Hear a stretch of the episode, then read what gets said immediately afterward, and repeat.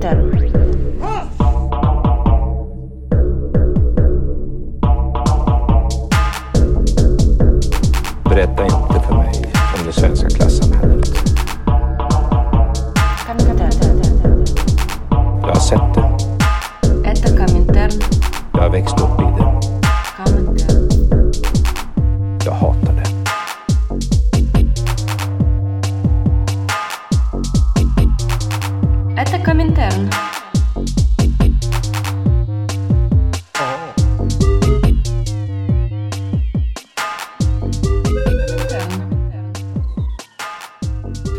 Eh, hjärtligt välkomna till eh, ett avsnitt av eh, Komintern.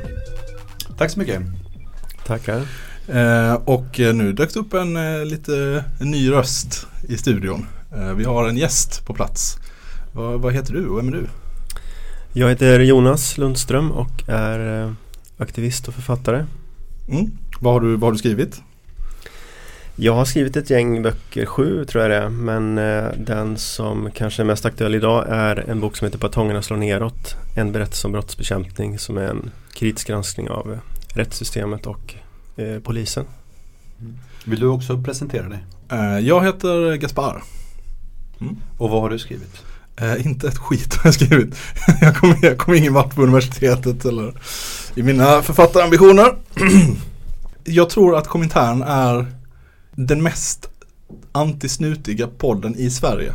Oj, Ja, jag får jag, får jag också presentera mig? Nej, Det är okej. Ja. Jag vill ändå inte presentera mig. nej. Okej då, du får presentera dig. Ja, eh, jag heter Tor. Jag är då magister i omvårdnad. Nej, jag är inte alls. Jag är filkand. Är du Jag, jag är filkand? kandidat i omvårdnad. Filosofie kandidat i omvårdnad? Eh, Ja, eller kandidat i någonting omvårdnad. Då skulle jag vilja säga att jag är doktorand i snuthat. Det är coolt. Ja. Absolut. Ja, mest, mest snuthatande podden. Ja, det kan vi väl trycka upp en, en sticker med. Ja, vilken ära. Ja, Ehm, och för, ja, för att vi, vi, vad man kan, kan ana utifrån titeln till boken så är, är du eh, lite kritisk till både rättssystem och, och svensk polis. Och vi ska väl, eh, vi ska, vi ska tala lite om, eh, vi ska tala lite om polisens roll i samhället, vi ska tala lite om vad polisen håller på med nu i Sverige, vi ska tala lite om vad polisen håller på med historiskt i Sverige.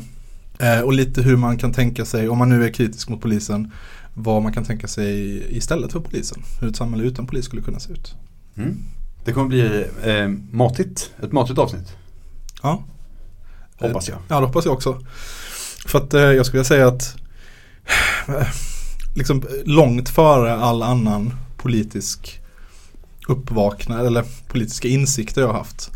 Eh, min liksom första, kanske mitt första politiska ställningstagande har ju varit ett, ett antipolis ställningstagande. Det, har liksom det handlade inte så mycket om omfördelning av resurser i samhället eller eh, miljöskövling eller eh, några sådana saker. Utan det handlar om att jag tyckte väldigt, väldigt illa om poliser tidigt och, och det är liksom nästan, det var liksom grundklossen som alla andra klossar har byggts på.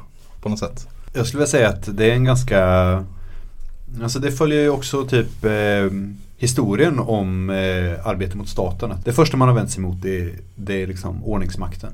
I begynnelsen så var ju det här eh, polis och militärkapitalets här eh, Man behövde liksom inte skilja så mycket på dem utan det var bara eh, hären generellt så.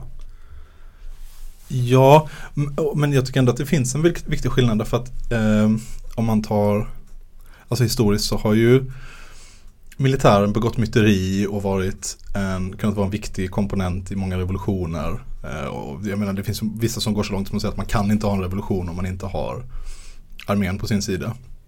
Det vet jag inte om jag tror på. Men oavsett så har det funnits eh, radikala förband liksom, som har gått emot staten och skjutit sina officerare och sådär. Det har ju aldrig hänt i världshistorien att någon polismakt har varit så nu kastar vi av oss kapitalets bojor.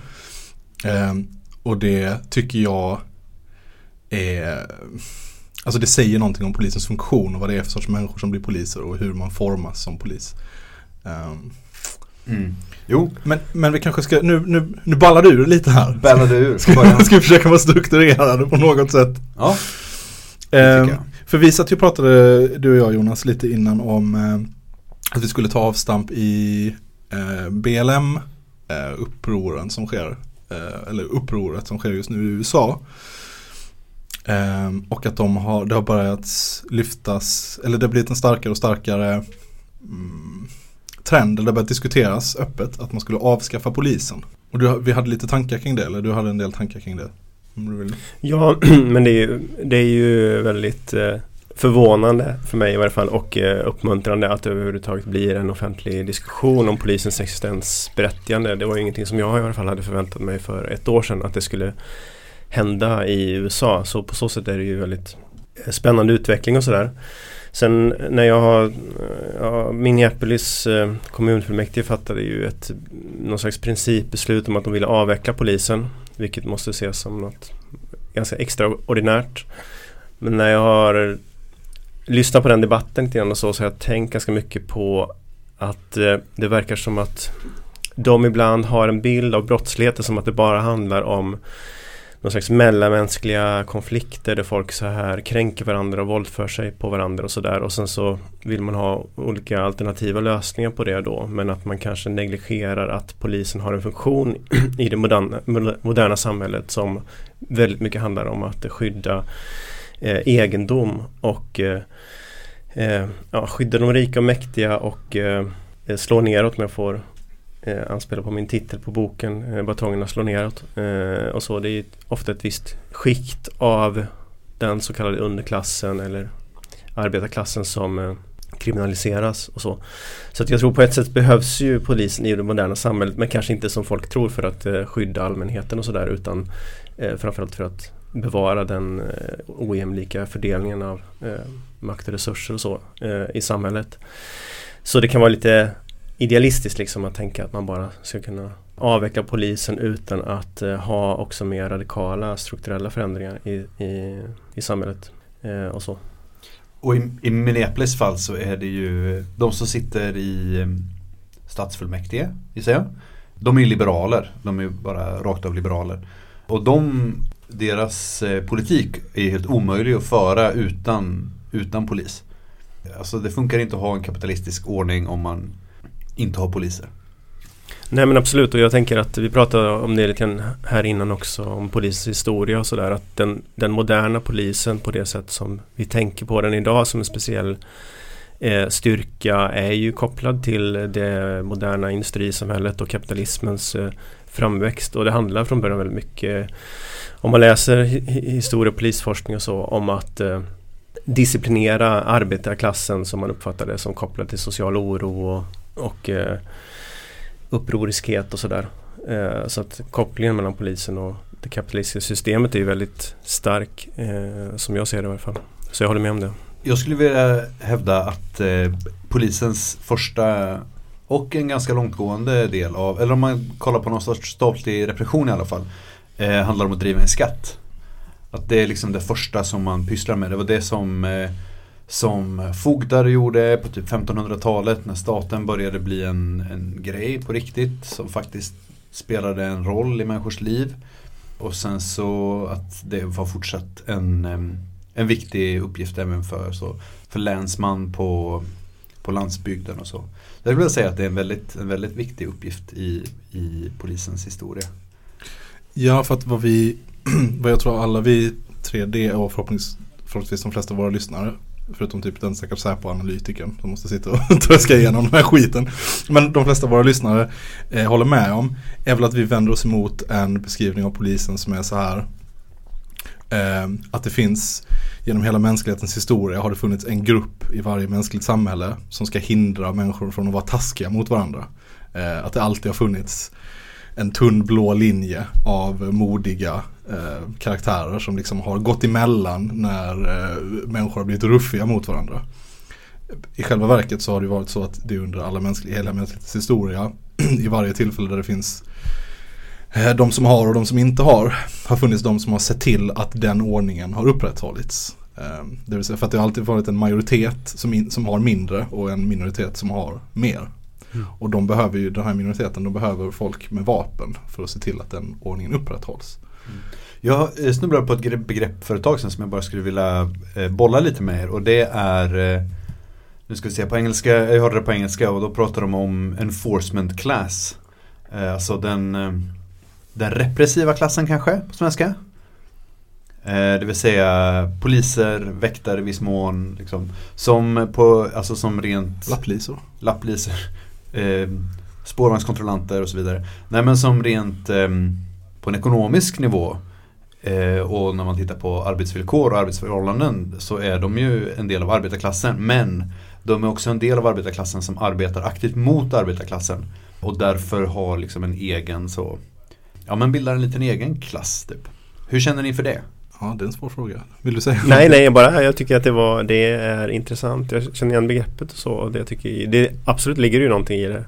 Ja, alltså det är väl Alltså jag tänker att Eh, Alltså överhuvudtaget begreppet klass är så svårt, alltså det kan betyda så himla mycket olika saker. Men att det finns ett Jag kanske föredrar att använda begreppet skikt på något sätt. Alltså det finns något, det finns något skikt av människor som, in, som måste sälja sin arbetskraft. Som säljer, sin, som säljer den arbetskraften i kapitalets tjänst. Men, men då skulle jag nästan vilja bredda det begreppet lite. Alltså då, då tänker jag nästan att då kan man också tala om Ja men eh, visst poliser, fängelsevakter, eh, väktare, domare. Men det finns ju också, då tycker jag att man lika gärna kan räkna in eh, så här tv showhosts eh, som driver liksom kapitalistisk ideologi eller eh, radioprogram bla bla bla. Så att det är folk som producerar repression och olika sätt att hålla nere folk. Och sen finns det en grupp som gör det väldigt fysiskt och väldigt direkt för att de har batonger och pepparspray. Och så finns det andra som gör det på mer luriga sätt, typ influencers eller någonting. Jag skulle ju hellre än så tv-host så skulle jag ju baka in eh, så eh, fackpampar i den eh, som, eh, som liksom eh, koopterar och lugnar, försöker lugna ner liksom revolutionära yttringar i samhället. Ja, fast nu kanske vi skapar ett begrepp som är innehållslöst för att det är för brett. Eh, jag, jag vet inte. Folk med vapen som är till för att se till att andra människor i samma, i samma eller andra fattiga människor eller liksom arbetande människor håller sig på mattan. ja. Ja, absolut. Det, Det- det är en finns grupp. någonting det finns en grupp människor där som gör det. helt klart. Ja, ja, Och det är väldigt osympatiskt. Usch, bu för dem. Ja. Två tummar ner får de. Ska den säga nej? Men det finns ju också en tendens att man försöker de där uttalat repressiva uppgifterna att vissa arbetare förväntas upprätthålla dem. Alltså jag tänker till exempel på busschaufförer på, Mm, mm. eh, lo- i lokaltrafiken. där jag bor till exempel i Örebro så innan corona då så var alla tvungna att gå, eh, gå på det framme. Och då Istället för att det blir lite för dyrt att ha för mycket eh, väktare som går omkring och kollar folks biljetter och sådär. Det har de ju också men det är också så att busschauffören förväntas liksom ha en repressiv hållning gentemot eh, resenärerna som inte betalar och det tänker jag där kanske man, där går det ju, eh, är det ju mycket lättare att appellera tror jag till busschaufförer och försöka visa att man som, som resenär och Eh, busschaufförer står på samma sida på något sätt. Att de har ju också ett intresse av att slippa ha den repressiva uppgiften så att säga. Att det vore bättre då att man gick på bak och så som man gör i Stockholm och betalar där och sådär. Men, det, men jag tror att det finns ju ibland ett intresse av också Eftersom det, det tenderar kanske att dra till sig vissa, vissa far, människor så här att ha en batong och gå omkring och bestämma över människor och sådär. Då kanske man ibland att det blir enklare om man delegerar ut en del av de uppgifterna och, och helst eh, sprider ut repressionen också i samhället. Så, så de där tendenserna går åt lite olika håll tycker jag. Ja, vi ska komma tillbaka till det tänkte jag när vi pratar om eh, När vi kommer lite längre fram i, i polishistorien. Men jag funderar på om vi, ska, om vi ska hoppa tillbaks till där vi började, eller där vi var. Rättare sagt, att vi pratar om polisens historia.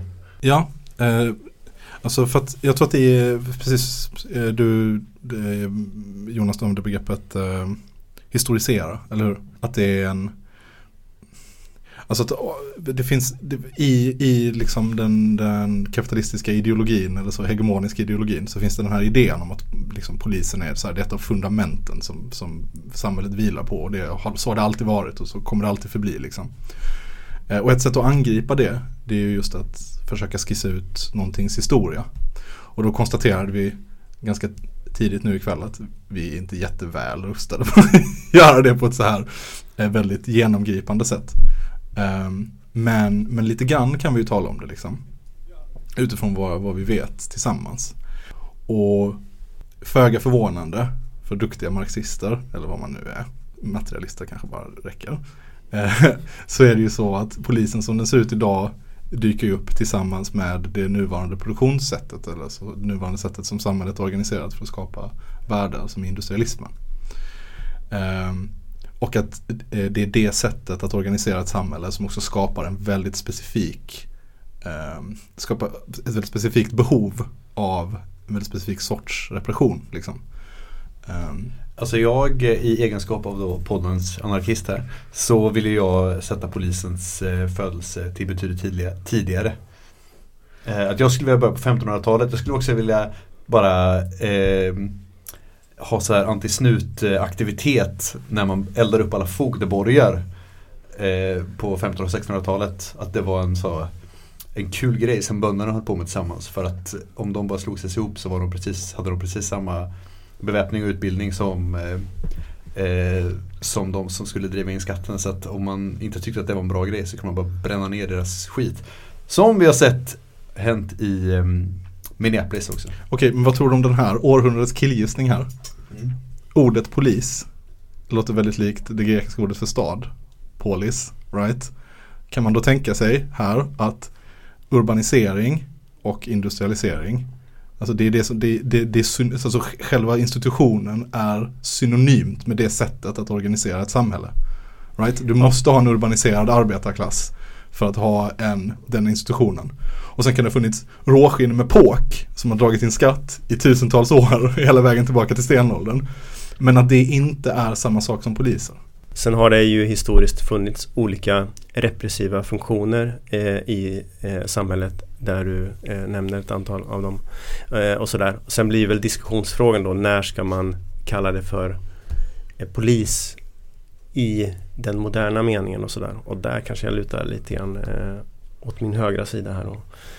Eh, Alltså, det är jag som sitter till höger. Nej, det, det tog hårt. Men äh, jag skulle nog, eh, jag uppfattar att det allmänna ändå är att man Alltså i forskningen att man knyter, knyter begreppet till eh, kanske alltså kring 1800-talet och, och lite framåt. Men eh, ja, det är en diskussionsfråga helt klart. Och det kommer ju inte från ingenstans. Det hade varit spännande och för att det, var, det, här, det här med polis och polis, det slog mig precis när jag satt och pratade om det. Jag har ingen aning om det finns en, vad, alltså vad det ordet var för. Ja men det stämmer ju. Jag, jag kan faktiskt eh, Etymologiskt, grekisk, alltså ja. koinegrekiska som man pratade då. eh, Eftersom jag läst teologi en gång i tiden. Ah, Eh, så att eh, det, det stämmer att det är samma ord som stad på grekiska. Polis. Alltså, jo, nej, men, det, men det är väl så. Alltså, som vanligt när, när jag och Tor börjar bråka så handlar det egentligen om att vi bara behöver komma överens om våra termer. Liksom. Eh, och, jag Det vill, stämmer bra. och jag vill kanske använda en, en snävare ett, ett snävare begrepp. Liksom. För att vad jag För jag tänker att någonting som, alltså polisen som, som den här ser ut, finns nu, eller är nu, är en ganska nymodig grej. Men däremot att vara en jävla Lennart. Det har ju, är ju någonting som har funnits en stenåldern, är jag övertygad om. Alltså folk som eh, internaliserar den styrande klassens ideologi. Och, och även om de inte själva tjänar på den.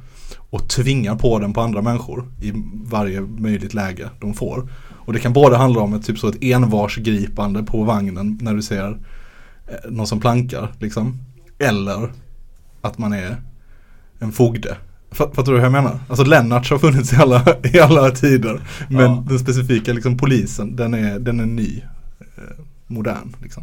Ja, men jag tänker, eller ja, vi kanske ska lämna den här diskussionen egentligen. Jag tänkte dra Wikipedia-kortet och börja läsa bara rakt ut här i Wikipedia som jag, som jag har dragit upp av det här. Men jag, jag, eh, jag skiter i det. Det var inte bara du som började googla kan jag säga. Nej, det är bra. Det är. Bara googla på Lennart. Det står inte. Nej, men alltså det hade väl inte, alltså jag är helt övertygad om att det finns liksom polishistoriker som har skrivit en helt annan historia.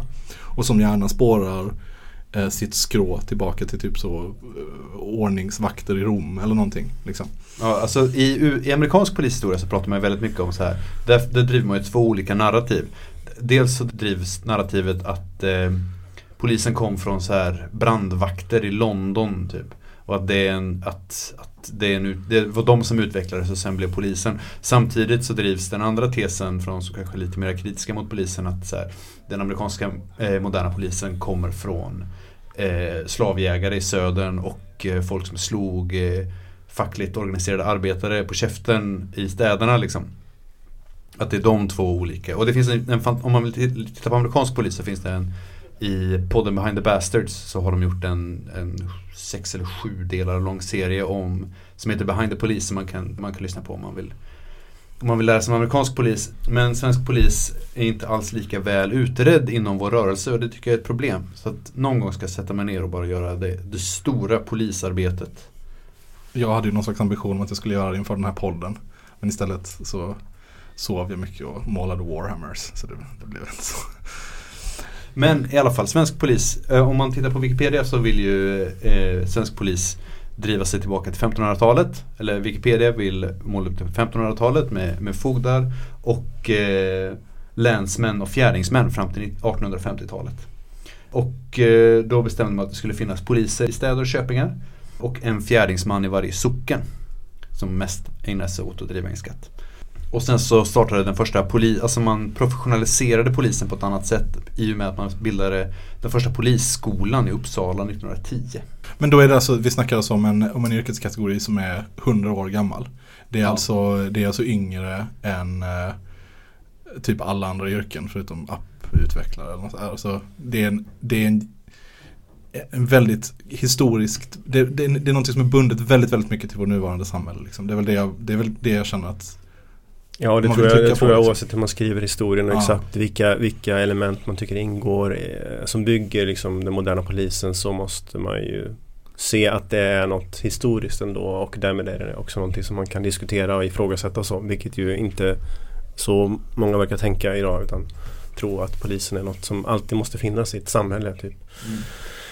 Eh, vad jag tycker är intressant är att om, den, om polisen professionaliserades 1910 så fanns det ju, alltså det fanns ju en ehm, som jag var inne på i början det här med att skilja på polis och militär. I, eh, eh, tidigt i polisens historia så hade ju polisen och militären samma uppgift. Det vill säga att eh, när det blev social oro så var man tvungen att skicka in folk som kunde, som kunde krossa den sociala oron. Det blev ju problem dels när militären höll på att göra uppror på, i, under första världskriget. Det var flera, flera revolter i olika svenska städer där militärer var inblandade. Bland annat Västerås. Och sen så eh, kom ju då eh, händelser eh, på 30-talet. Och det här tycker jag är jätteintressant. Jag, det här var något som jag funderade väldigt mycket på i, när jag började läsa på om det här. Och det var vad hände med polisen när man helt efter 1931, Ådalen, pang pang pang, militären håller på och mördar arbetare som strejkar. Och helt plötsligt får man inte sätta in militären längre mot eh, strejkande arbetare eller mot social oro. Eh, och då måste man ju ha någon annan som gör det. Eh, som gör samma arbete. För det är inte en arbetsuppgift som, som staten eller kapitalet bara kan, kan skita i. För det är liksom hela polisens, eller en av polisens stora uppgifter idag. Och ehm, då bildar man stadspolisen. Polisen var ju kommunal fram till mitten på 60-talet. Och stadspolisen det var en, en organisation av poliser som främst sattes in mot arbetare, mot strejkande arbetare. Eller mot så här, olika uppror på olika sätt. Och de, de, eh, de ägnar sig mest åt- att slåss eh, och liksom misshandla folk. Eh, så dels så fick de ju sökande med folk som tyckte att det var roligt. Och sen så Eftersom att polisen var kommunal så var de ju tvungna att kunna verka i i liksom sitt lokalsamhälle och under socialdemokratin så kan vi liksom inte ha en polis som mest åker runt i någon pansarbil och liksom hoppar ut och bara misshandlar folk lite, lite höger-vänster. För att man bygger inga bra kvarterspoliser på det sättet. Liksom. Det är inte en... Det blir dålig stämning. Det blir jättedålig stämning med liksom den lokala bagaren om han liksom får stryk på väg till på väg till sitt bageri för att han är ute typ sent på natten fast tidigt på morgonen eller liknande. Så alla de poliserna som var lite för antingen som var lite för fascistiska eller som var eh, lite för våldsamma. De kunde man skicka iväg, de kunde man liksom bli av med snett uppåt genom att skicka till stadspolisen. Eh, vilket ju ledde till eh, problem 1900 Men gud vad det låter bekant det här med att bunta ihop de största psykopaterna i specifika kommenderingar. Eh, som eh, ska vara liksom så här crowd control delarna av någon stads polisstyrka. Jag tänker typ på eh, eh, det var ju rabalder om det för inte så länge sedan. Eh, vad heter den här? ROG-gruppen i Stockholm. Var det inte så de kallades? ROG. Jo, re- regionala ordningsgruppen. I regionala ordningsgruppen. Tidigare tunnelbanepolisen. Ja, som, som är den värsta samlingen våldspsykop- tjackade våldspsykopater som jag någonsin har haft oturen att stöta på liksom. Så det här är ju, det är ju en, eh, ah, nej men fortsätt förresten. Inte- Nej, nej, nej, alltså jag, eh, 1943 var påskkravallerna i Uppsala. Eh, som var att, eh, det var ett polisupplopp helt enkelt. Det här är också en term som jag tänker att vi ska ta upp idag. Att eh, vad är ett polisupplopp för någonting? Det är en extremt intressant grej. Det var, det var nazistmarsch i Uppsala 1943. Eh, och eh, då var det ju folk som tyckte att det här, var- ja, men det var ju världskrig och nazisterna var liksom, hade precis börjat få smörj. Eh, så att eh, det blev ganska stora så, motdemonstrationer i Uppsala när, det här, när den här demonstrationen skulle vara. Varpå polisen tycker att det här, så här kan vi inte ha det. Och helt enkelt börjar hugga ner så Uppsalabor med sabel. Ja, för att de var fascister helt enkelt. Också ett stolt polistradition. Jajamän. Ja, men överlag är ju också relationen mellan polis och militär är ju någonting som man kan studera som är intressant tycker jag på lite olika sätt. Alltså tidiga poliser rekryterades ju i väldigt hög utsträckning från eh, militären och sen så har det funnits den här traditionen av att man vill skilja då som du pratar om också på polis och militär. Och sen finns det någon slags återmilitariseringstendenser av eh, polisen, framförallt kanske USA och sådär med, eh, alltså med vad man har för utrustning och, och, och, och för stil och li, lite andra eh, taktik och lite annan sån där input också. En rolig sak, eller rolig sak men eh, precis i början av coronakrisen här i Örebro så såg jag för första gången tror jag någonsin eh, att det stod militärpoliser och eh, vid en trafikkontroll och så här och kontrollerade eh, bilister bara. Och då gick jag fram till dem och frågade ursäkta, vad håller ni på för, med för någonting? Ja men vi har bara en sån här vanlig så här blåskontroll typ eller någonting. Och då ifrågasatte jag det lite grann under så här, eh, men behövs det militärer till det? det är liksom, har vi inte en tradition här ändå i det här landet av att skilja lite på, på militär och polis och sådär? Tydligen så har det här hänt tidigare men jag har i alla fall aldrig sett det förut och jag tänkte att det jag uppfattade det i varje fall för det var precis när liksom man förstod att det här kommer bli en stor kris även i Sverige. Och jag såg det som någon, eh, någon slags eh, att man övade för olika scenarion på något sätt och vill ha ut de här på gatorna och sådär igen. Eh, så jag tycker den här relationen mellan militär och polis är väldigt eh, spännande. Både hur de skiljer sig åt och vad, vad, vilka funktioner de har i samhället och, och eh, vilka likheter de har och så. Jag tycker man kan prata om militarisering av polis på flera sätt. Dels så kan man prata om det i form av, av pansarbilar och nya så, och plate carriers. så att alla helt plötsligt har någon sorts väst som de hänger sina grejer på istället för att ha ett bälte. Att man kan se liksom den eh, beväpning och utrustningsbiten av, av militariseringen. Men sen så handlar det också om en, en befälsstruktur och en taktisk eh, hur man, hur man eh, jobbar. Och efter, i, efter upploppen i Göteborg, eller efter händelserna i Göteborg i samband med EU-toppmötet 2001 så ehm, då infördes ju den nya polistaktiken. Som handlade om att man skulle i samband med liksom ordningsstörningar, så skulle, eller bitvis så handlar det om det här, men i samband med ordningsstörningar så skulle man kunna man skulle inte eskalera, man skulle försöka att eh, polisen skulle inte bara ge sig in och, och slå alla som, eh, alla som fanns på platsen där det här skedde, till exempel en, så, en gatufest kanske eller liknande. Utan man hade sådana Romeo-grupper av olika tjackade poliser i hoods och tandskydd som gick runt med så baseballkepsar och ryckte folk liksom och hade ja, försökte identifiera de som var drivande och sen så bara rycka ut dem. Vilket ju gör att eh, den stora massan liksom inte, eller massan av, av deltagare inte nödvändigtvis eh, så agerar som kollektiv utan att man bara, ah, nej, men att, att många som, som kanske hade blivit sura om polisen bara hade gått in och Mm. spöat upp alla med, med batong och sköld så de i, det här, i den här strategin så var tanken att de skulle kunna vara så här, nej men Alltså de där, de där är liksom bråkstakar. De, om, vi, om vi plockar bort dem så får vi göra våran demo liksom eller liknande. Men det finns jätteroliga vittnesmål från det här hur arg liksom eh, Kling och Klang poliser var för att de inte fick gå in och bara börja misshandla folk till höger och vänster när det var när typ rutor började gå sönder eller liknande. Så om någon pangade en ruta på European Social Forum i Malmö 2006 så var det verkligen ryckte det i batongarmen på de här poliserna och de tyckte det var svinjobbet att bara behöva stå och titta på. Medan liksom ledningens strategi var en, var en eh, hade en tanke om att man skulle eh, försöka att inte eskalera det här, de här eh, störande elementen liksom, eller störande tendenserna. För att knyta tillbaka också till, till militariseringen, att allt det tycker jag hänger ihop eh, väldigt tydligt. Därför att, för det handlar om två olika strategier eller två olika mm, sätt att förstå samhället som, som finns inom borgarklassen som någon slags spänning. Typ. Givet att polisen är till för att eh, bevara nuvarande ägande eh, förhållanden liksom, eh, av produktionsmedlen och allt det där. Och sen så börjar folk göra motstånd mot det på olika sätt. Antingen i Göteborg 2001 eller i, så i USA nu i Minneapolis. Så om polisen har, eller om, om borgerligheten har som eh, utgångspunkt att då, det finns en fientlig styrka som vill angripa produktionssättet. Eh, då måste man ju ha en, en militär för att svara på det. Right? Då måste man ju slå ner det militärt. Då, då börjar man tänka i termer av inbördeskrig. Har man istället eh, den liksom, jag vet inte vad man, de har, man kan kalla den sociologiska modellen. Som den svenska polisledningen och säkert många politiker hade efter eh, Göteborg 2001. Att det fanns en isolerad grupp terrorister som förledde eh, en större del av människor till att angripa. Då vill man ju bara ta bort de människorna.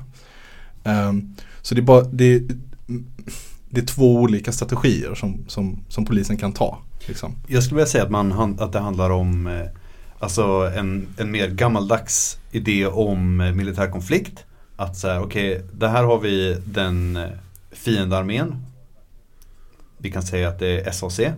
Och de måste vi bara spöa upp eller liksom nedkämpa eh, för att eh, få slut på den här konflikten. Det det, det tycker jag mest så här, ja men, eh, ja men Malmarbetarna i, eh, alltså då blev det extremt tydligt när i Ådalen att då handlade det helt plötsligt om en militär konflikt. Att så här, men militärerna tänkte att okej okay, här har vi fienden och om vi skjuter på dem så kommer vi vinna. Liksom. Så, klart och betalt. Men sen eh, den senare modellen, då tänker jag att man måste tänka det i termer som upprorsbekämpning. Och där handlar det väldigt mycket om att försöka, att försöka lugna och kompromissa med liksom, eh, eh, populationen i stort för att man ska kunna isolera och utplåna liksom, eh, revolutionära element. Um, så jag skulle vilja se det men, på det sättet. Men, men jag, jag tänker till och med att båda de här är olika sätt att, att göra upprorsbekämpning. Right? Alltså att, och det är det som är det spännande. Att skillnaden egentligen mellan att vara en ockuperande styrka som USAs armé i Irak och att vara en ockuperande styrka som USAs poliskår i vissa delar av USA. Den, den är flytande liksom. Och, och också i Sverige. Alltså eh, det finns eh, stadsdelar i större svenska städer som man går igenom där polisen i allra högsta grad beter sig som en ockuperande styrka. Liksom. De, mm, de, de, men, och, och, men det finns ju den här spänningen inom polismakten. Alltså att det finns hela tiden de här, du vet så, de, och de får alltid massa plats i typ så lokaltidningar som är så snälla kling och klang kvarterspoliser som är så, ja om vi bara hade fått mer pengar till fritidsgårdar, om vi hade fått liksom så bygga relationer till du vet Hassan eh, som har närbutiken på torget, då hade vi kunnat få bukt med de här ungdomarna. Men uppenbarligen finns det jättestarka krafter inom polisen som bara är så, nej! Vi ska ha cattle prods, helikoptrar, k-pistar och saringas. Det är det så vi läser här. Och som revolutionär så måste man ju fråga sig, alltså vad är mest effektivt? Vad, vad gynnar oss? Du vet, så här, det är nu, nu tycker jag, alltså så här, jag, jag är inte en sån eh, ju sämre desto bättre människa. Jag tror inte så här bara att Du är inte excel, accelerationist? Accelerationist, nej precis. Eller, eller typ så RAF-anhängare som tror att typ så om statens sanna repressiva ansikte visar sig för befolkningen kommer att göra uppror. Jag tror inte riktigt att det funkar så. Um, men det finns ju någonting i att om, om svenska polisen helt plötsligt vill börja använda tårgasgranater då kommer ju det få kanske människor som innan såg polisen som någon slags neutral eller kanske till och med lite snäll entitet som skulle skydda dem från fascisterna på Antifa-demos. Då kommer de ju börja hata polisen med. Men kan man tänka att det har att göra med vilken bild de styrande har av de upproriska elementen på något sätt i samhället. Alltså om man tänker sig att de upproriska elementen är ganska eh, omfattar ganska breda folklager då, då blir det mer ett uppror som man måste liksom slå ner med våld och så. Medan om man tänker att det här är i mycket mindre utsträckning då kanske man tänker att det är effektivare att bara isolera upprorsmakarna och att man kan göra det med ganska så här specifika medel och sen kommer Eh, resten av, eh, och att falla in i ledet bara. Alltså.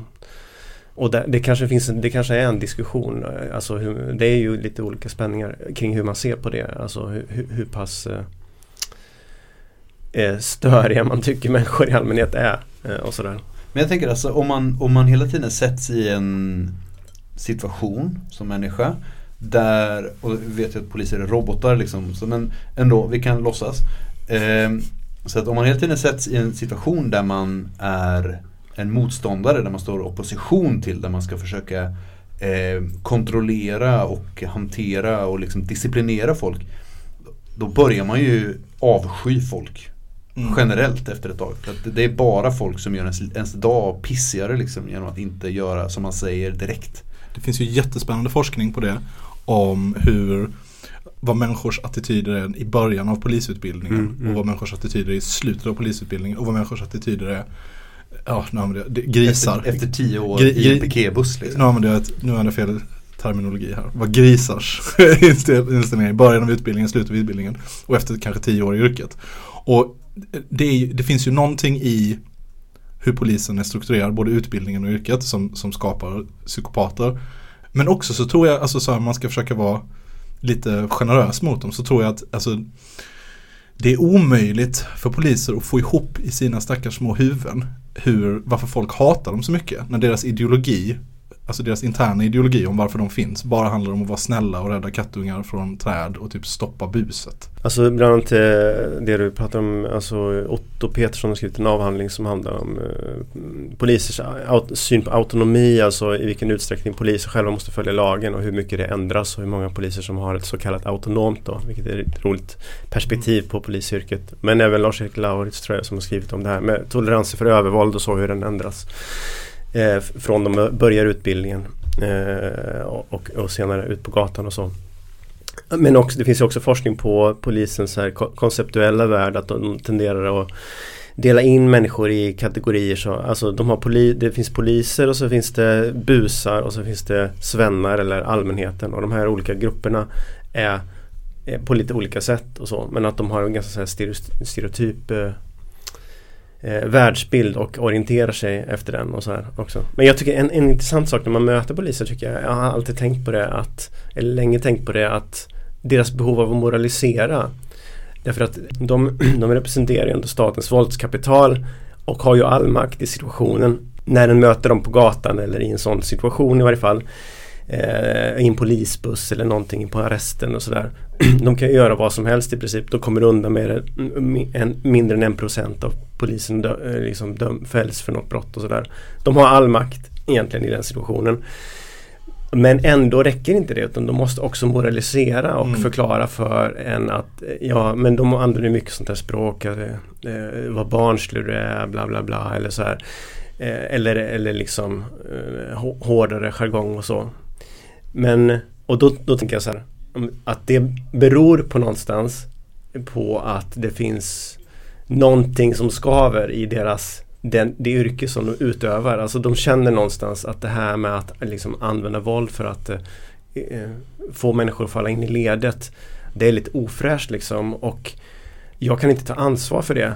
Så att, därför måste de lägga ansvaret på den som blir utsatt för det. Så att de, en polis kan ju liksom slå dig i huvudet med en batong och säga det är du själv som har gjort det här.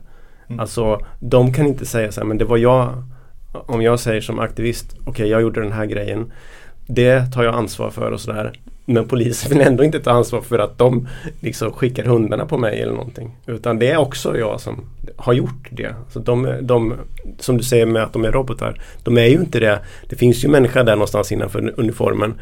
Men de verkar ju tänka på sig själv på det sättet som att jag Vi måste ju göra de här sakerna.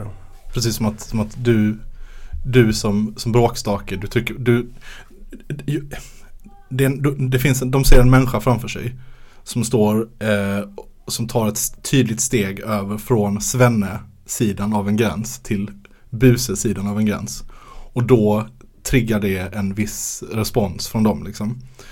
Eh, men det är också, jag, jag håller, dels håller jag, med om, håller jag helt med om den observationen. Jag, jag tycker också det är sant. Jag tycker också det är intressant hur de alltid liksom försöker eh, liksom moraliskt, inte bara för sig själva utan de, de måste liksom tvinga på den här moraliseringen på den de stöter på. Men också hur jävla osäkra och, och kränkta de är. Alltså hur, hur tunn den liksom fernissan av eh, Alltså, moralisk det rätt finns få saker som är så tunt som en snuts hud alltså. jag, jag, har, jag har en skitkul eh, anekdot eh, eh, som, är, som ex, exemplifierar det här perfekt. Eh, det, det är, vi snackar Skåne, vi snackar jag vet inte, 08 eller något kanske, jag kommer inte ihåg exakt 07, 06.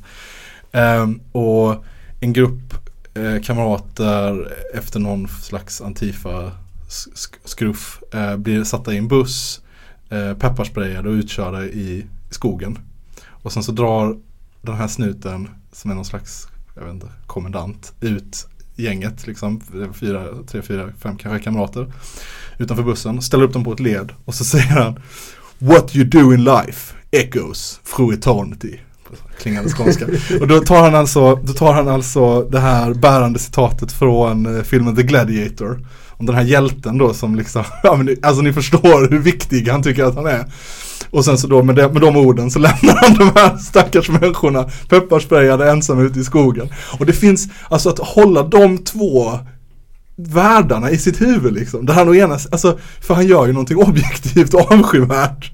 Och sen så ska han, måste han ändå ta liksom the moral high ground Men sätt. det är, det är dubbelt konstigt för alltså det är ju inte så att eh, Maximus i Gladiator säger det här till gallerna som kommer kutande ur skogen. Utan han säger ju det till resten av kavalleriet liksom. Vad tänker den här polisen Alltså är de här plötsligt helt hans olydiga legionärer?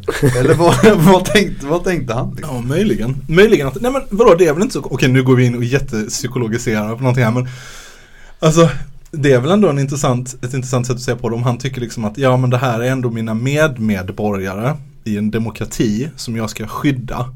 Eh, och de här människorna, de på något sätt eh, utsätter den demokratin för någon fara och jag beskyddar dem. Liksom. Eh, och beskyddar samhället. Så att, det inte, så att det, just det är inte en yttre fiende. Eller så tyckte han bara att det var ett svincoolt citat och han hade sett filmen Ja. en vecka tidigare och bara fan jag måste, måste säga det här på jobbet snart. Och sen så såg han en chans och tog den. Ja. Jag skulle vilja ta upp en sak till om det här med, eh, med polisers hud. Och det är ju att så fort man säger att så här, fast den här grejen som ni gjorde nu Den var väl ändå inte bra. Så här, ja men nu har vi ju Nu har vi ju bild på när ni misshandlar någon igen. Alltså det här är ju inte Det ser ju inte bra ut alltså. Och då bara, du hatar polisen. Direkt bara, du är så kategorisk polishatare. Man bara, ja, jo, alltså ja, kanske. Men alltså, ni måste ju ändå förstå att det här ni gjorde, det var fan inget gött. Sätter man sju skott i ryggen på en förståndshandikappad kille Det ser inte bra ut. Du hatar polisen! Ja, men, och sen så är det så här massa jävla poliskramare som bara, ja, ja de mår säkert jättedåligt nu. Det är bara man säger om de här poliserna, det, det säger man bara om mördare som har uniform på sig. Det är aldrig någon som är så här, ja alltså de här killarna i Biskopsgården som, alltså, så här, som sköt ihjäl någon. Alltså de mår, alltså, mår garanterat inte så jävla bra. Det är nog ganska rätt jävla mycket ångest som skvalpar runt där inne nu. Det har ju aldrig någon sån här jävla snutkramare sagt. Och knappt någon annan heller för den delen. Nej, men det är bara för att det är ju högermänniskor och högermänniskor är investerade i att bevara det nuvarande ägarsystem, bla bla bla bla bla. Eller bara, alltså så här, jag skulle säga att det finns en, en hel del snutkramande sossar också. Ja men de är höger, sossar är höger. Okej, ja, okej, ja, ja, absolut, jag köper. Jag, jag, menar, jag tror att man lär sig också eh, genom skolan och hela samhällssystemet eh, överlag att identifiera sig med polisen och det är, även populärkulturen spelar ju roll med, med deckargenren och sådär. Mm. Alltså, man identifierar sig ju gärna med, med, med polisen överlag på grund av att man har lärt sig det. Eh, så, så det krävs ju ganska mycket för att man ska byta sida eller så. Och, och tänka utanför den här boxen med enskilt rötägg och det. Jag har en grej på enskilt rötägg. Alltså det här, det här har jag Entusiasmen. Har du, entusiastiskt har du berättat som ett enskilt rötägg? Nej, men så här. Det finns en fortsättning. Okej, begreppet ett enskilt rötägg. Det är ett halvt, ett halvt liksom ordstäv. Resten av det ordstävet är, nej, ett ruttet äpple är det. Man pratar om att det är bara några ruttna äpplen i, en, i organisationen. Vad man säger, vad säger man om man ska säga färdigt citat, eller ordstävet, då är det ett ruttet äpple fördärvar hela tunnan. Men det är aldrig någon som, det, det har folk glömt bort helt och hållet. Jag tycker, jag skulle vilja starta en podd som bara handlar om polisen. Som heter Hela tunnan eller ett, enskilt, ett ruttet äpple fördärvar hela tunnan. Ett sånt, om någon vill göra den så Det är okej. Ni, ni behöver inte kontakta mig först. Nej, men vad man måste säga om hela den enskilt röta grejen är ju alltså Okej, okay, ett Väldigt få av de övergrepp som polisen begår eh, anmäls så här så att man har, det finns ett enormt mörkertal. Två, det är inte bara de som begår sådana här övergrepp som är ruttna ägg. Det är alla de som eh, döljer, skyddar, inte ställer frågor, bla bla bla. Eh, så att liksom, och eh, tre, även en polis som bara gör sitt jobb, punkt och pricka, till punkt och pricka, varken gör mer eller mindre, är ett monster. Alltså det är en människa som har skrivit papper på och accepterat att det är en del av deras yrke, till exempel eh, droga och sätta en person på ett flygplan och skicka tillbaka dem till tortyr och säker död. För att kanske på grund av att de till exempel är gay. Eh, så att det, alltså, det är någonting som alla som är poliser har ställt upp på. Det, och alla vet det. Så här att om någon ber mig göra det här, den här fruktansvärt ohyggliga handlingen så är jag okej med det. Liksom. Så det finns inga goda eller rena eller Alltså bra poliser, är Maske. en, bra poliser är en myt. Alltså, och det är något som folk gärna vill. Jag ska bli en bra polis. Som att man bara, Fuck you. bara jag ska bli den, den som är en bra polis. Man bara, vad tänker du om det här yrket som du håller på att ge dig in i? Men sen så också man bara, fast du har inte det, du har inget val att vara det eller inte. För om du, ja, om du vill vara det, då kommer du behöva ordervägra och det, är inte, det kommer inte accepteras. Jag ska bli en bra lägerkommendant. Jag ska bli en bra Alltså det, det, det, det är en sjuk och äcklig sak att säga. Ja, men det är väl för att man, många saknar ju bara en systemanalys också. Alltså man tänker inte på vilken position, alltså vad man har för funktion eh, heller utan tänker att det är bara en samling olika individer som kan vara på, på ett eller annat sätt och sådär.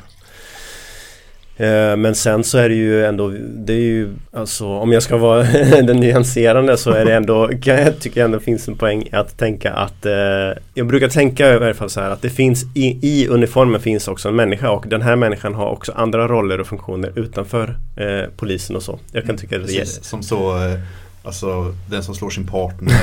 och, exempel. eh, Driver bordell. Jag upp nu nyligen. Ah, nej men det är väl, nej men det- jag, jag vet inte. Jag tycker, Jag tänker så här bara att om man har en eh, liksom I varje fall så åtminstone så behöver man kanske eh, eh förklara för människor att när de möter en polis så ska de inte förvänta sig att de alltid möter någon som på ytan beter sig liksom skitaggressivt och våldsamt från början och så. För att om de, då kanske de tänker att man har lurat dem. Men då man, måste, då, man vill ju också att de ska förstå att det, det bor en bad cop i varje good cop. Liksom. Och petar man där lite grann så då kommer det där, då kommer det där eh, fram och sådär. Men det finns ju liksom nyansskillnader ändå mellan eh, de här eh, hur de här personerna uppträder. Och som vi pratade om, det finns olika polisenheter, de har lite olika funktioner liksom på och sådär. Och det, det är skillnad att möta, det kan också vara bra för säkerheten att veta att när man möter en polis, vilken situation och eh, vilken typ av polis det är. Det kan spela ganska stor roll för säkerheten och så här, hur man ska hantera det. Och så. Det kan vara allt från livsfarligt till liksom bara eh, inget, inget problem. Men det kan också vara så att, att man tror att det, att det inte är några problem och sen så, eh, och sen Absolut. så börjar man Ja, ja, ja. berätta alldeles för mycket saker som Ja man inte gud, ska nej säga. nej nej nej. Ja. Nej nej, jag, absolut. Men det är det jag menar, det bor en bad cop och en good cop. Det är därför man inte, de är inte två olika liksom. Utan eh, det finns där, det finns, eh, man ska aldrig tänka att, man ska aldrig lita på en polis brukar jag säga. Nej men, men det är klart också att det finns någon slags, alltså när man möter på en sån eh, eh dialogare farbror i, i orange väst eh, så är det klart att man kan eh, man kommer undan eller man kan, man kan vara lite annorlunda än, än när man stöter på en sån eh, ROG ett fradgatuggande psykopat liksom. Men, eh, innan det, vi har, det har gått för långt för vi jobbar ju under lite, lite tidspress i alla fall.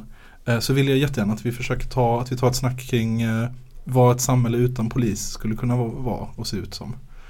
Eh, alltså, för att okej, men givet att Givet att polisen är Dess funktion är att upprätthålla nuvarande ägande Bla bla bla Ehm, och är till för att hålla ner alla som är emot det Så säg efter revolutionen När alla äger allting tillsammans och så vidare Då kommer ju folk fortfarande mörda varandra Eh, av massa olika orsaker. Kanske man är full, kanske man blir väldigt arg, kanske man är jag vet inte, svartsjuk eller något. Eh, men hur, ska, vad tänk, hur tänker man sig att en sån, hur skulle en sån organisation kunna se ut? Alltså, vad, vad, vad är det för sorts, vad är det för sorts människor som sysslar med, för att även om man är så här efter, i, ett, i ett postrevolutionärt samhälle kanske man inte ska ha specialisering på det sättet. Så alltså typ forensik är ju skitsvårt. Alltså om det är, alltså om det är min om, jag, om det ska vara så här en dag i månaden så agerar jag typ så mordlösare i ett postrevolutionärt samhälle. Då ska jag behöva sätta mig in i jättemycket jättesvår vetenskap typ. Eller hur? Eller? Och hur fan ska det gå till? Är det, har vi några smarta tankar kring det? För att jag tycker det är svårt att, att få grepp om liksom. Det kommer ju vara annorlunda eftersom produktionssättet i samhället kommer vara annorlunda. Men hur fan ska det gå till? Liksom? Nej men jag tänker att mycket, alltså så här, dels så måste man ju ha en, eh, på samma sätt som man inte kan ha en polis idag eh, som är alldeles för lokalt förankrad för att då, eh, då börjar det bli svårt att liksom disciplinera folk. I, i ett, eh, ett postrevolutionärt samhälle eller ett, ett, det samhället som vi vill se då, då måste ju liksom eh, de som utreder problem eh, måste ju vara extremt lokalt förankrade. Alltså det måste ske lokalt liksom. Det tycker jag i alla fall. Nej men jag tänker att man, man ska vara försiktig helst tänker jag med att för snabbt tänka alternativen. Det är ju en fråga som ofta kommer upp när man, när man pratar om polisen och fängelser. Så här, vad ska vi ha istället för någonting? Och risken med det är ju att om vi bara skapar ett alternativ då är ju risken väldigt stor att det vi skapar kommer att upprätthålla samma funktioner som det vi hade först. Alltså vi behöver ju inte ett alternativ som ska fylla den funktionen som dagens polis har och så. För att många av de funktionerna är repressiva, vi vill inte ha kvar dem. Eh, och en del av, alltså det gäller också lite så här veta vad, vad, vad fin, finns det eventuellt i de här processerna några konstruktiva processer? Jag tycker att de är ganska få. Men eh, vilka är de och hur ska vi kunna upprätthålla dem i ett samhälle och sådär. Jag tänker kanske mer då att ett samhälle behöver olika typer av praxis eller eh, strukturer för att hantera vissa typer av problem. Exempelvis eh, konflikter då, alltså hur, hur, löser, hur löses konflikter i ett specifikt samhälle eh, och sådär. Och det kanske kan finnas ett mått av specialisering eh, idé och sådär. Men liksom det är ju en viktig fråga och det finns ju om man tittar på andra samhällssystem där det inte funnits poliser så har det ju funnits eh, system och praktiker och så eh, för att eh, det finns ju så här i transformativ rättvisa och eh, restaurativ rättvisa och sånt där. Sådana idéer om hur det, hur det kan gå till och sådär. Sen tror jag det beror ganska mycket på Ja det är möjligt att det, vi tänker lite olika om exakt vad är det för samhälle vi vill se för någonting och så. Personligen så tror jag att vi behöver ett mer, betydligt mer småskaligt samhälle. Alltså jag tror att Jag tror personligen att liksom massamhället är kan, kan vara svårt att upprätthålla utan den typen av specialisering som drar åt det hållet och sådär.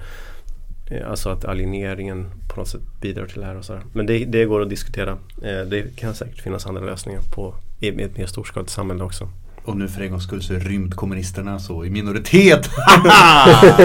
För jag, var, jag var fick den här eh, visionen nu medan ni talade om, du vet så här du vet den klassiska snutshowen så är det ju alltid så här, det är någon sån polis som är med, i någon mordenhet och så, så löser de brott typ.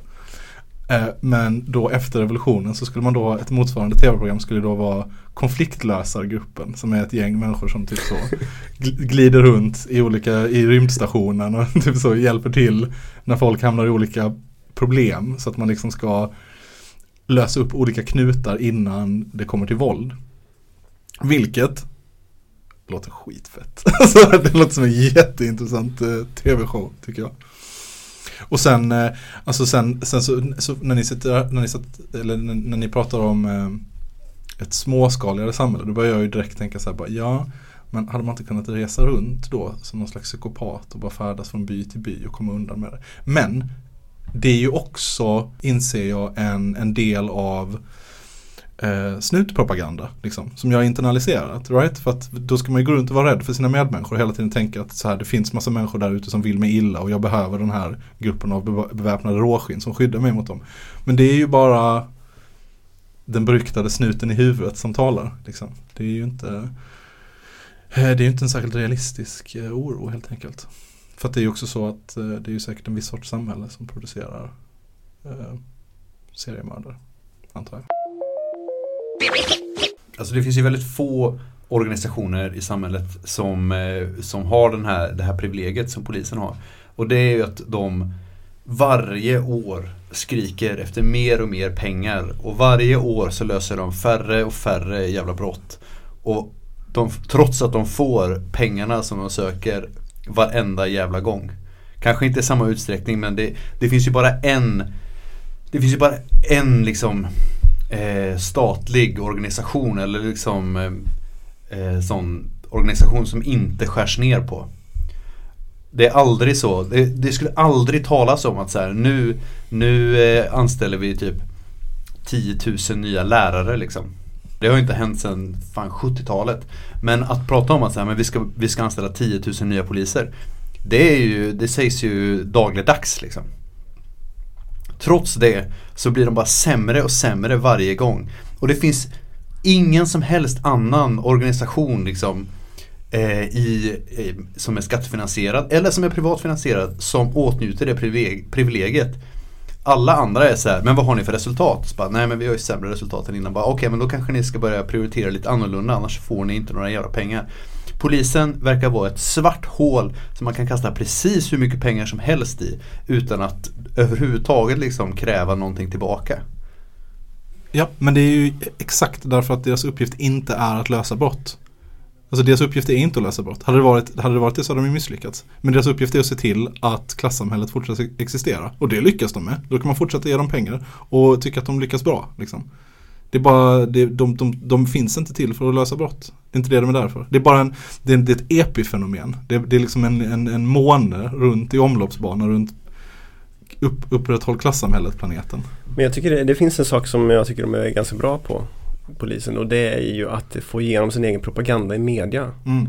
Det tycker jag att eh, det här kanske vänsterrörelsen har en del att lära ändå på något sätt. För det går ju att eh, utgå från det helt kallt att om det är någon demonstration eller aktion eller någonting som är lite kontroversiell och sådär. Då kommer det att framas av polisen på ett visst sätt.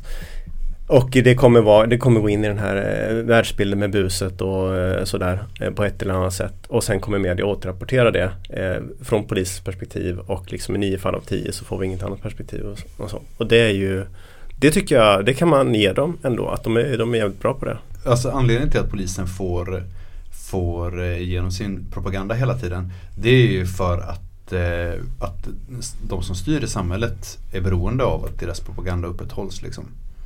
Eh, och det är därför vi, vi har en, alltså, en snut protagonist i varenda jävla film. Det är därför det finns så mycket liksom, litteratur om polisen och hur så här, ja, hur de kämpar mot, mot buset för att så här, rädda någon enskild person. Liksom, som, alltså så här, de här, den här fiktionen kring, eh, kring polisen är någonting som reproduceras både i så svensk och amerikansk eh, och egentligen alla andra media också. Och har inte det visats också under BLM-protesterna att det finns massa eh, massa områden i USA där, där polisen liksom har makten. Alltså där det är en polisstat, inte bara i den bemärkelsen att eh, allt man gör kontrolleras av polisen och polisen har oinskränkt makt över ens liv och sådär. Utan också att polisen kontrollerar politiken. Alltså det finns massa politiker som inte kan det spelar ingen roll vad de tycker, om de tycker att man ska eh, stänga ner en polisstyrka eller någonting. Det spelar, därför att de har de här beväpnade råskinnen de, de har den reella makten. Liksom. Um, och så, så långt kan det ju gå, absolut. Liksom. Eller det... Men en sak, annan sak som jag tycker är intressant det är ju, alltså man behöver inte åka jättelångt för att man ska uppleva ett samhälle utan polis. Alltså i, i all praktiskt hänseende utan polis. Alltså åk upp till typ Alltså norr om, eh, norr om Umeå och sen ut på landet. Bara, det kommer inte finnas några poliser. Du kommer inte se, du kommer inte se en polis. För det är, det är typ så här, ja men det är, så här, det är två radiobilar som ska patrullera liksom från typ Uppsalas norra förorter till Treriksröset. det är liksom, det, det, det, alltså så chansen att du ska springa på dem är jätteliten.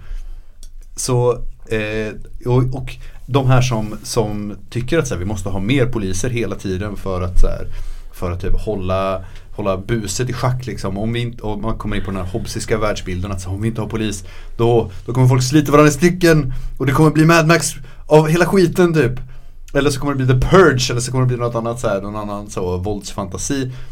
Eh, de är också så här super inne på att landsbygd, svenska landsbygden det är det gulligaste som finns. Där finns det inga poliser. Alla nära polisstationer har blivit nedlagda. Där har vi ett samhälle där polisen inte finns liksom. Mm. Men det går också helt i linje med den, eh, med den idén om vilka som är svennar och vilka som är busar. Liksom. Det finns inga busar ute på torpen. Liksom. Där finns det bara svennar. Det finns det bara goda människor. Mm. Med små röda stugor med vita knutar och som flaggar på nationaldagen och sånt. Mm. Det stämmer ju inte heller liksom. Det är klart det finns fattigdom på landet. Ja, och du vet raggargäng eller ja, vad det nu kan vara. Liksom. Men jag, men jag funderade på, alltså det här vi var inne på lite med eh, polisens syn på lagen. Det tycker jag är ganska intressant ämne. Det har också hänt någon gång att jag har diskuterat det med någon, med någon snut sådär. Eh, inom polisbuss. Alltså, det var inte jättelänge sedan faktiskt. Eh, alltså, nu, alltså jag rekommenderar i överlag att, att prata så lite som möjligt med polisen och aldrig lite med en polis, bara så jag har sagt det. Men det har hänt ibland att jag har samtal med en polis och då eh, tog jag upp Otto Peterssons avhandling som handlar om det här med autonomi, autonomisynen hos poliser. Och då hade den här, den här snuten, le, hej hej förresten, eh, då hade den här snuten eh, läst den här avhandlingen i varje fall. Eh, och så. Och sen, så, sen vet jag inte om det, om det hände så mycket mer i det. Men en sak som jag tänkte nu var det du pratade om tidigare med kopplingen till politikerna. Eh, alltså polisforskningen visar ju väldigt tydligt att eh, polis, patrullerande polisers eh, yrkeskultur och pol poliser som är liksom i frontlinjerna har väldigt fritt, en fri syn på lagen, stort tolerans för övervåld och så vidare. Alltså de, de följer inte lagen Eh, och upprätthåller inte lagen i princip utan de håller på med något som eh, någon slags ordningsskapande arbete då, som handlar om att skydda egendom och sådär. Eh, men tänker politikerna att polisen håller på med det här att upprätthålla lagen eller alltså det, det tänker jag på ibland så här hur de här sossarna till exempel batongsossarna och sådär alltså tro, har de sådär naiv bild av polisen eller det här är ju bara intressant för att det är intressant så att säga. Mm. Det spelar ingen roll hur, hur det är egentligen. Men jag ibland funderar på det där. Alltså hur naiva är de? Är de så korkade liksom? Att de tänker så här att de här busarna är på det här sättet. Det finns så här onda människor som är busar och sen finns det goda medborgare och polisen är där ute och upprätthåller lagen. Och, alltså är de så dumma eller är de mer cyniska så att de bara har en sån retorik utåt och sen sitter de på, sin, på sina, i sina kontor och säger hur, hur det är egentligen. Men jag tror att det handlar om en syn på polisen men jag tror också att det handlar om en relation till polisen. Att så här, varje gång du träffar en polis så är det antingen så här kling och klang som du åker med i en buss som eller i en radiobil liksom och typ snor folks jackor. eller så är det, och de är så här, om man pratar med dig och tycker liksom det är allmänt så tjenig stämning typ. Eh, eller så är det något polisbefäl som kommer och fjäskar. Eller så är det något polisbefäl som kommer och tigger. Eller så är för polisen kommer, om du är i en maktposition så kommer polisen alltid behandla dig Ja, väl. Liksom. Mm. Eh, så att då tror jag inte alls att det är svårt att upprätthålla den här Nej. bilden av Så du, polisen. du tänker att de tror att polisen är sådär Ja, det tror nice jag. liksom? det ja. tror jag. För att det är deras erfarenhet. Mm, Så, men jag tror ändå det är mer komplicerat än så. För att jag tänker mig att varje eh, institution i samhället har dels sin, sin ideologiska bild av sig själv. Alltså som att poliser tänker sig att de upprätthåller lag och ordning. Eh, och även om vissa kanske gör det så här, ja, men de är lite mer så punisher style. Att de gör det, ja, men, eh, vi vet hur det faktiskt är på gatan. Vi vet Men som. Gunvar Larsson i Nya Bäck. Ja. Så den här fascisten, som, Ja. fascisten Gunvar Larsson. Ja. Och, och, och, och, mm, och, och politiker har en bi- bild så här, ja, men det är vi som är så här, demokratin i samhället, det är vi som bygger samhället, bla bla bla. Eh, lärare har en bild av att det är vi som delar ut kunskap och så vidare. Eh, men alla de här institutionerna, eh, de innehåller ju också människor som, som förstår att det bara är ideologi. Liksom. Så att det finns ju lärare som är så, nej nej jag disciplinerar arbetare och ungdomar, det är vad jag gör. Kunskapen är bara, det är bara ett epifenomen. Mm. Så finns det säkert poliser som förstår, nej nej egentligen handlar det bara om att se till så att packet eh, håller sig i schack. Eh, det här med att, eh, du vet så, hitta snodda cyklar, in, ingen stor grej. Och så finns det säkert politiker som är så här bara, nej nej alltså det jag finns till för är att du vet, lyfta en lön. jag är bara en parasit. Eh, men jag tror överlag så är alltid, så måste alltid eh, det, det liksom, det, den ideologiska, alltså så, institutionens ideologi måste alltid vara förhärskande. Det måste alltid finnas en, en, en majoritet av institutionens eh, som tror på den Som eller bär, på bär den. upp den Ja, på, i någon precis. utsträckning Ja, och så. Ja, ja. det låter rimligt. Och, det, och, och om, det, för om det inte gör det så kollapsar det liksom. Men hur stor andel det är, det är skitsvårt att säga i alltså. Det är Mm. riktigt svårt att säga i. Jag tänker att om det blir en för stor andel som om, om polisen är så här, fan vi har ju typ, alltså så här, vi är våldsmonopolet, vi kan göra vad vi vill. De måste ju ändå ha en bild av att det de gör är att hjälpa människor. Annars så kommer de bara börja sparka in dörren hos folk och sno deras grejer och hålla på och bete sig liksom. Och så kan vi inte heller ha det för det skulle leda till en, alltså, till en revolt liksom när polisen ifrågasätts på ett sätt och typ när folk börjar skydda sig mot polisen. Ja, då får man som i, som i Vitryssland, eller vad heter det ens nu? Landet. Belarus. som i Belarus nu, där verkar ju polisen ha den. Alltså det är bara Det är helt Ja. uppenbart för alla att det bara är ett kriminellt gäng bland andra kriminella gäng som Ja, åker omkring och bara jävlas för maktens skull. Och, då, och det leder till en helt annan sorts konflikt där, där den konflikten är accepterad i breda folklager på ett helt Mm. annat sätt. Och då har vi ju ett, eh, då, då har ju polisen misslyckats med att behålla sin, eh, sitt narrativ. Eh, vilket leder till att så här, deras upprors, upprorsbekämpning blir väldigt mycket svårare om populationen i stort vänder sig emot dem. Ja, så verkar det, i Hongkong verkar det ha utvecklats i den riktningen också ganska mycket. Ja men precis. Och det är på väg åt det hållet i USA också i breda folklager. Vilket är väldigt Och jag tror att det skulle spridas i Eller så här, bilden av polisen som, som någon som gör en illa. Om polisen börjar skjuta tårgas Nu får vi se vad som händer när pandemin är över liksom. Kommer polisen börja så här eh, peppra in fullt med tårgasgranater på Norra Stå när AIK har, har derby mot Djurgården liksom? Eh, eller kommer polisen börja att, eh, att eh, skjuta tårgas på, eh, på antifascister eller kommer polisen börja skjuta tårgas på eh, Polisen kommer börja skjuta tårgas på alla som rör sig i, eh, i olika förortsuppror liksom. Men, eh, men det kommer ju det kommer också leda till att polisens bild av Polisens eget narrativ av så officer friendly eller så någon kling och klang person liksom, den kommer ju den kommer ju raseras snabbt. Tårgas är inte kul Eh, och eh, det, det är inte precis och det kommer liksom tvinga in polisen en helt ny roll i eller det kommer tvinga polisen att ha en helt ny taktik och en helt ny roll om de, eh, om de börjar använda det frekvent. Det är min, så, min hot take. Ja, men frågan är också hur stor del av befolkningen kan man vara i öppen konflikt med? Alltså man kan ju uppenbarligen vara i betydligt st- äh, större, alltså i Sverige så är det ju ändå så att de flesta människor eh, är på något sätt liksom så polisvänliga. Eller tänker att polisen antingen är neutral eller är Ja, ja, typ snälla liksom. Ehm, men en avsevärd del av en nations befolkning ehm, kan ju ha en negativ inställning till polisen utan att det liksom leder till öppen revolt eh, på något sätt. Och jag menar i, i vissa delar av äventyrs och svenska storstadsförorter hatar ju alla polisen, eller är rädda för dem i alla fall.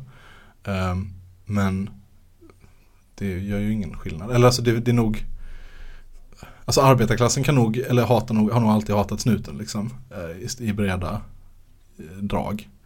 Eh, men det räcker ju liksom inte riktigt. Eller så, så det finns ju liksom ingen Det finns ingen sån eh, upp, eh, vad ska man säga, me- medvetandegörande knapp. Man kan trycka på sig bara så, åh nu förstår helt plötsligt Nej, samhället. det är väl mer att det, det är väl mer när det kommer situationer där eh, konflikten i samhället kommer upp till ytan och så. Då har det ju ett värde vad folk har för inställning till polisen. Ja. För vad, hur långt man kan nå med olika typer av eh, Och jag, förändringsarbete.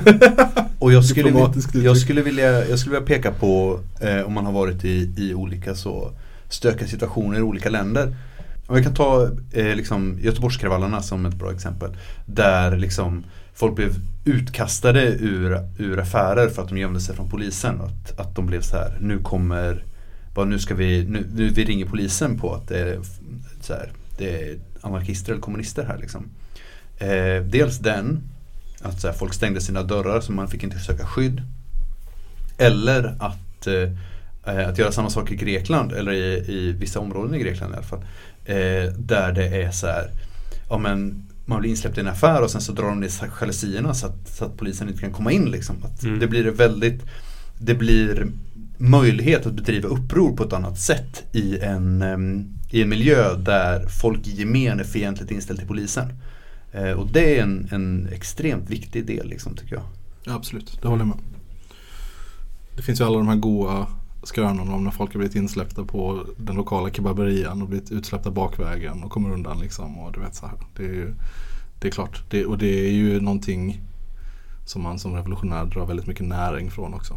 Och det är en viktig del av, om man läser så upprorsbekämpningslitteratur så är det i väldigt stor utsträckning det är där liksom eh, konflikten vinns eller förloras. Mm. Hur, vilk, vems narrativ är det som, eh, som eh, folk lyssnar på?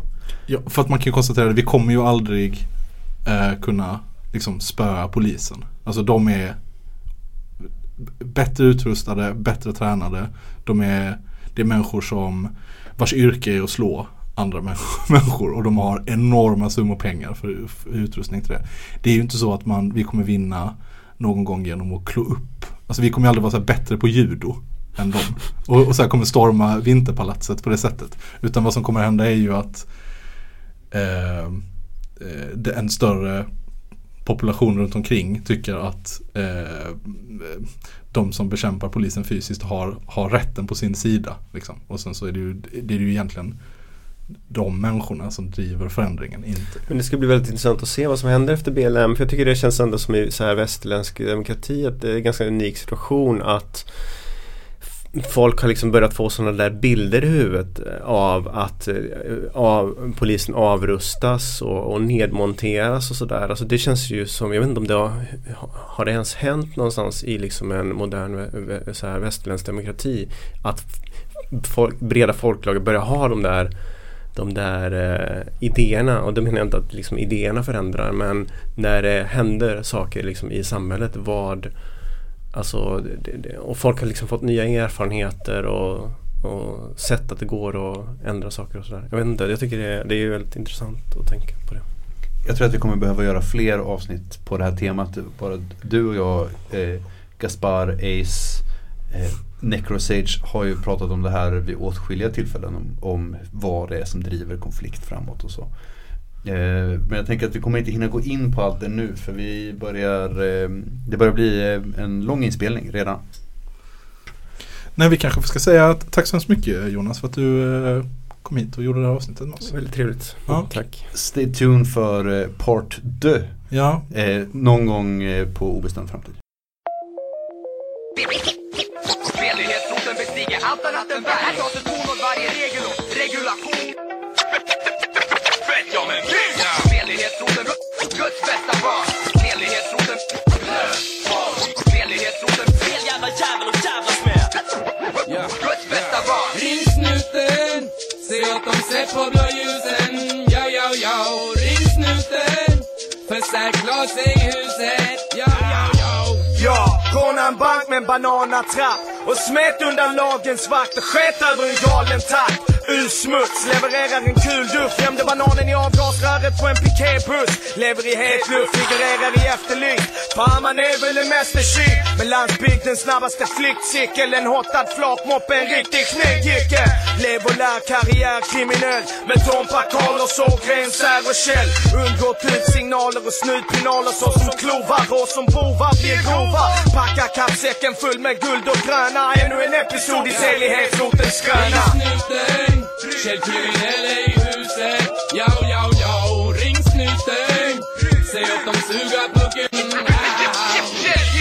En rapparen som uppmanar knattar och snattar Gör en platta om hur man rackar och undgår att bli haffad. Så alla medelklasskids och förortskickers Låt mig intressera er för skjorttricket Förskjort, bästa sättet att ta något Stoppa skjortan i brallorna, ta bältet och dra åt. Gå in på något av kapitalismens skrytbyggen Och om du vågar, ta risken, fyll ryggen Men akta ryggen. De sneglar i speglar medan jag skriker åt kameror. Kom och ta mig då! Åt alla skvallertanter och butikskontrollanter. Gör så här när ni hör dessa musikkombatanter. Ring snuten, eran kollega är skjuten. Yo, yo, yo,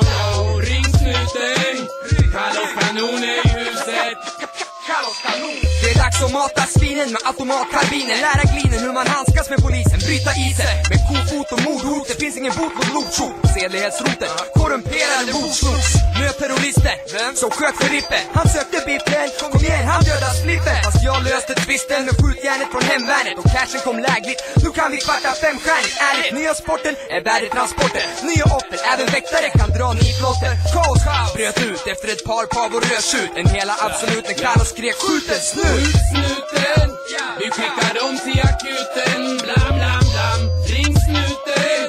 För tjuvtjompa i huset. Ja, Yo, yo, yo. Ey, tjuvtjompa. Som mest ondskefull när jag ler En snutfascist dödare på två ben i ditt kvarter. Förklara vad som är fel med hela rättssystemet De riktiga problemen kontra kredit och debet. Rusar in på ditt kontor, ge hela snuthuset blodproppnoja Iklädd ninjadräkt och fotboja Truppen, smugglar vapen genom tullen För att skjuta ner kvarterssnutar och piketpatrullen Men de gör ju bara sitt jobb! Och de gör det bra Terrorister i uniform på uppdrag av Sveriges stat så mår du bra gris när du spöar klottrare och går hem efter jobbet till en hobby som blottare Jävla fussy! Jävla fussy! Fussy! Fussy! Ring snuten, säg har ni inte ryckt ut den